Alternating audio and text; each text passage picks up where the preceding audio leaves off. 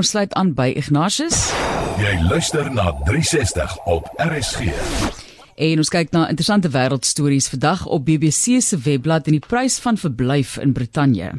Wat lees is dit Brittanje nie verblyf is duur. Jy weet of dit nou 'n verband is wat wurg of 'n lêplekkie op reis, dis maar 'n situasie. Maar die prys van verblyf is nie net rand en sent nie. So bly 'n 57-jarige Brit, Andrei Malkinson, al vir 17 jaar teen sy sin in 'n sel.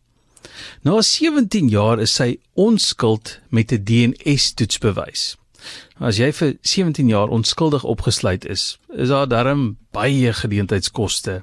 Dinge wat jy nie kon doen nie onder andere werk. So sal jy verstaan dat sy prokureur gaan handhou by die staat. Nou wat kan jy verwag? Verskoning? Finansiële kompensasie? Wat mense nie verwag het nie, is dat hy 'n rekening vir 17 jaar se kos en akkommodasie kry. Asof dit nou 5 ster kos en verblyf was. Wel, miskien soos die Suid-Afrikaanse TV-reeks 5 ster, maar steeds nie iets waarvoor jy sal wil geld uithaal, sal wil betaal as dit so teen jou wil was nie. En tog wat die kompensasie ook al mag wees wat die staat aan hom betaal, kan al ook die koste van sy verblyf by daardie bedrag aftrek. Nou in vorige gevalle was die kos en kamerbelasting 25% vir 'n kompensasie. Dis almal rof.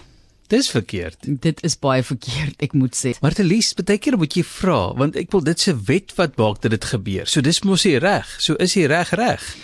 Dit lyk my is verkeerd die keer. As jy eers daai blikkie wil soos hulle sê in in Engels wil oopmaak, sê ek nou vir jou, daai blikkie wurms, dan gaan jy 'n lang pad vat hier vandag. Ons het nou klaar 'n storie byvoorbeeld in die nuus oor reëls wat oortree is en moet daai reëls nog gemplie of of gebruik word of aangepas word ten spyte van die feit dat daai hele storie nou verby is. Ek gaan nou nie kommentaar oor lewer dis die COVID-19 inperkingsreëls wat ek nou na verwys, maar ja, dit is 'n goeie goeie vraag.